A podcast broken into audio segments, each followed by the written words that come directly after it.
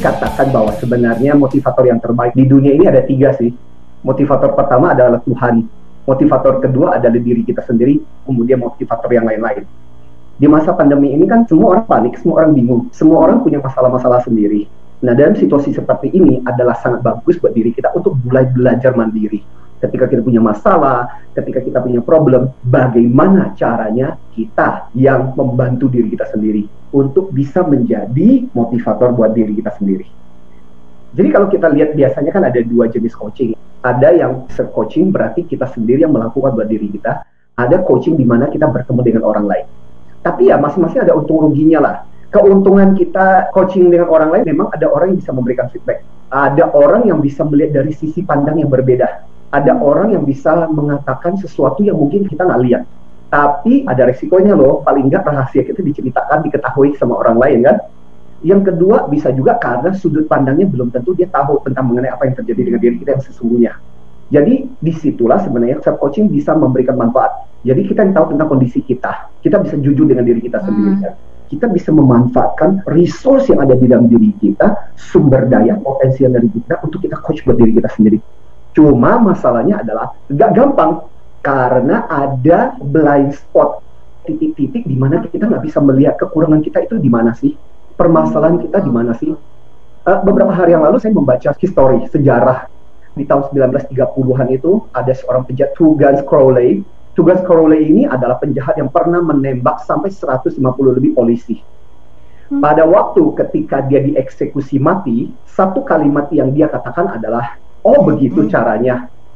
Saya dihukum mati hanya gara-gara saya berusaha untuk melindungi diri saya. Hmm. Saya itu bukan orang jahat loh. Di balik sikap saya yang kasar adalah hati yang lembut dan sebenarnya saya tidak punya niat sama sekali untuk membunuh orang. Artinya gini loh, kita bisa mengatakan bahwa kadang problem terbesar kita untuk melakukan self coaching adalah kita punya blind spot yang kita merasa enggak kok aku nggak punya masalah, aku nggak punya problem dengan diriku sendiri. Hmm. Padahal orang lain dengan jelas-jelas sudah menunjuk kepada kita bahwa kita punya kekurangan itu. Nah itu yang nggak gampang. Sebenarnya ketika kita punya kesempatan bersama dengan orang lain bagus juga. Apalagi kalau orang tersebut ada orang yang punya skill, punya kemampuan untuk bisa mendengar dan bisa membantu. Jadi sebenarnya coaching kita sedang meminjam kepintarannya orang lain. Kita bergerak nih dari level 3 misalnya katakan ke level 8 ke level 9 dengan meminjam pengetahuan dan kecerdasannya orang lain. Itu kalau kita punya kesempatan untuk coach. Tapi kan kadang-kadang keterbatasan waktu, bisa juga kadang-kadang keterbatasan biaya, apalagi profesional-profesional itu tidak murah-murah banget. Maka yang terpenting adalah bagaimana caranya kita menolong diri kita sendiri. Kalau kita terus telusuri, rata-rata orang-orang yang berhasil, orang-orang sukses boleh dikatakan mereka adalah orang-orang yang bisa menjadi coach yang luar biasa buat diri mereka sendiri. Kayak kisahnya Fred Smith ketika dia kuliah di Yale, profesor bisnisnya tuh bilang begini, coba kalian bikin paper business plan. Dan bikinlah dia business plan. Business plan plan-nya adalah apa? Bahwa saya kepikir bagaimana caranya sebuah delivery yang bisa dilakukan cuma dalam waktu satu hari, dalam waktu semalam. One night delivery dan waktu ketika profesornya melihat rencana bisnis plan seperti itu, dikasih nilai C. Alasannya sederhana, karena itu sesuatu yang sangat tidak masuk akal. So, yang luar biasa adalah dalam hatinya, Fred Smith kemudian bilang, Prof, pertahankan nilainya, saya akan tetap mempertahankan mimpi saya. Dan sejak itu dia menjalani proses self coach. Dia harus meyakinkan dirinya sendiri, dia harus mendorong dirinya sendiri, harus membuat dirinya sendiri belajar. Karena lingkungan sama sekali tidak percaya bahwa bisa terjadi proses delivery seperti itu. Tapi hey, hasilnya luar biasa. Hasilnya adalah FedEx dan FedEx itu menjadi salah satu pelopor sistem logistik distribusi yang paling cepat di dunia. Nah, orang-orang sukses itu pada dasarnya mereka punya kemampuan yang sangat luar biasa untuk mendorong mereka. Yang penting adalah kita belajar mengenai tekniknya. Itu membuat kita jadi independen sebenarnya. Artinya gini, kamu tidak melulu, tidak harus terus-menerus bergantung kepada orang lain intinya sebenarnya kalau lu bisa bantu diri lu sendiri ujung-ujungnya nanti adalah menjadi modal buat kamu untuk membantu orang lain okay. karena kamu udah terbiasa untuk menolong untuk membantu dirimu sendiri gitu saya teringat dengan kisah tentang sekelompok camar di tepi pantai Nah, dulu sejarahnya camar-camar ini ada camar-camar yang bisa mencari makan sendiri. Hmm. Sampai akhirnya pemerintah memutuskan untuk membangun sebuah tempat pelelangan ikan And you know what happened? Setelah pelelangan ikan itu dibangun, camar-camar jadi tidak pernah lagi harus mencari ikan di laut. Kenapa? Karena camar dengan gampang mendapatkan ikan-ikan sisa pelelangan yang sudah mulai membusuk, dilempar begitu saja, dan camar itu bisa memakan dengan begitu gampangnya ikan-ikan yang sudah ditangkap oleh nelayan yang tidak terjual. Bertahun, bertahun, bertahun, belasan tahun. Sampai akhirnya apa yang terjadi? Tiba-tiba pemerintah memutuskan pelelangan ikan itu ditutup. Dan apa yang terjadi? Banyak camar yang kurus, banyak camar yang mati, dan populasi yang menurun dengan drastis. Kenapa? karena camar-camar itu tidak lagi punya kemampuan untuk mencari ikan di laut. Sampai akhirnya tahu apa yang dilakukan oleh pemerintah, mendatangkan camar-camar dari tempat lain. Dengan harapan ketika bergabung dengan camar-camar yang sudah terbiasa mencari ikan di laut, maka camar itu akan terlatih. Dan ternyata benar. Si camar-camar yang tadinya nggak bisa mencari ikan di laut, sekarang jadi camar yang bisa mencari ikan di laut. Oke. Okay. Saya mau cerita tentang beberapa lagi ada seorang penulis tentang leadership yang sangat terkenal namanya John C. Maxwell. Dia terbiasa begini, dia punya satu ruangan untuk berpikir. Dan satu hari itu dia akan pasti meluangkan waktu di sana, betul-betul luar biasa. Dan kita bisa lihat dari buku-bukunya berapa banyak karya dia yang luar biasa. Dipakai sebagai penasihat kepresidenan di Amerika dan sebagainya. Hmm. Contoh, Charlie Chaplin, komedian yang luar biasa, yang pada zaman ketika film-film masih bisu, Salah satu self coach yang dia lakukan adalah dengan memposisikan dia menjadi seorang penonton yang menyaksikan filmnya. Di situ dia akan mencoba untuk mengkritik dirinya sendiri melalui respon penonton. Kenapa penonton ketawa? Kenapa ini yang harusnya ketawa kok nggak ketawa? Atau contoh yang lain, Walt Disney. Oh itu salah satu yang luar biasa. Dia punya tiga kursi. Persis benar-benar tiga kursi, bukan cuma imajinasi jadi setiap kali dia punya ide, dia akan duduk di satu kursi, itu kursi si optimis. Di mana dia mengatakan, oh ini brilian banget, ini ide bagus, ini ide keren. Habis itu, dia akan bangun, dan dia akan duduk di kursi yang satunya lagi. Kursi yang namanya si kritik. Si kritik ini akan mengkritik habis-habisan. Kenapa ide itu nggak bagus? Kenapa ide itu jelek? Nah, habis itu dia akan berdiri lagi, dia akan duduk di kursi yang ketiga, kursi si realis yang memikirkan. Oke, okay, sekarang jalan tengahnya bagaimana? Nah, dari situ dia akan memikirkan gimana caranya membuat idenya bisa dieksekusi lebih bagus.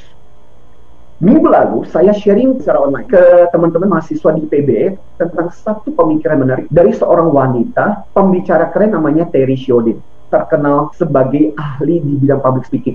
Dia cerita secara persis di buku-bukunya bahwa dia punya satu semacam rumah-rumah dibikin dari pohon di mana itu adalah tempat dia merenung menggali ide-ide, dapatkan inspirasi secara khusus di situ. Jadi buat saya adalah menarik banget bagaimana orang-orang yang terkenal mereka punya waktu buat mereka sendiri untuk memikirkan, untuk merenungkan dan membimbing dirinya mereka sendiri. Apa sih tips-tips sederhana yang bisa kita lakukan untuk self coaching ini? Kita berbicara dengan ideal self-nya kita. Jadi seolah-olah saya sedang melakukan dialog imajinasi, dialog imajiner orang bilang seolah-olah membayangkan kita sedang berdialog dengan diri kita. Tapi si orang ini adalah bagian diri kita yang lebih bijaksana, yang lebih pintar, yang memberikan nasihat kepada kita. Kira-kira apa yang akan disarankan kepada kita? Atau gini, teknik ini adalah teknik yang dipakai sejak zaman Yunani kuno. Kan kita tahu, zaman Yunani kuno itu mereka percaya dengan dewa-dewi jadi, kalau seseorang ingin mendapatkan sebuah kebijaksanaan atau ingin mendapatkan sebuah pengetahuan atau sebuah wisdom atau sebuah ide, mereka secara khusus akan membayangkan, akan memikirkan dewa atau dewi yang mereka sukai. Kita sebut talk to the master. Contoh kalau saya mau tahu tentang keuangan.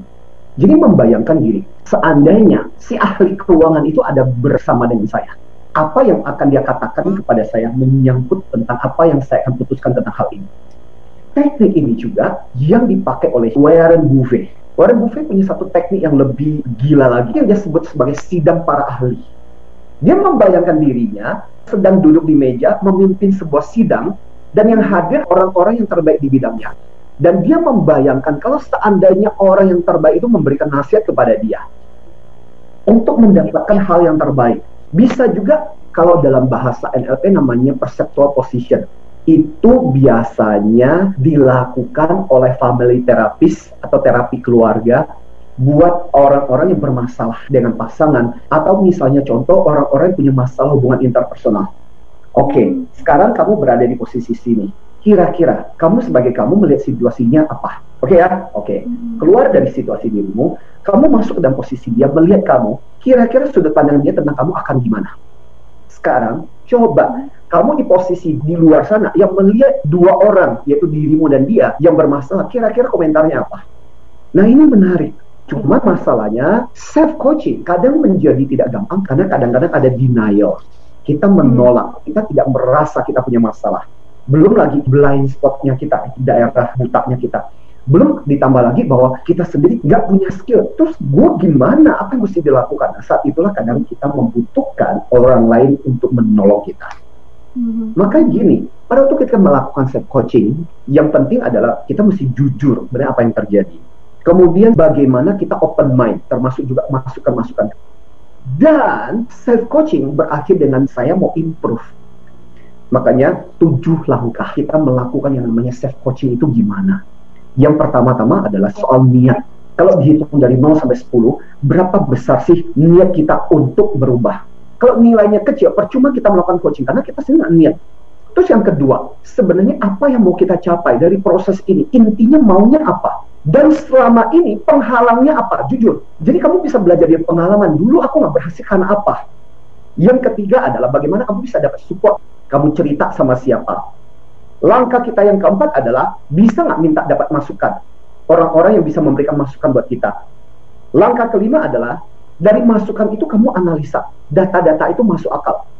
Yang keenam yang bisa kita lakukan adalah make plan, bikin rencana improvement, dan take action. Itu yang keenam. Yang ketujuh, pantau perkembangan kita. Jadi, menjadi coach buat diri sendiri adalah puncak kemampuan kita untuk mengelola diri. Membuat kita semakin yakin pada diri dan juga kesempatan mengoptimalkan kemampuan sendiri. Sebab pada diri kita ada begitu banyak potensi yang Tuhan telah kasih untuk kita sadari dan kita gali. Membuat kita mengalami kemajuan dari hari ke hari dengan daya dan kemampuan diri pribadi. Sehingga dengan bangga kita berkata, akulah motivator terbaik buat diriku sendiri.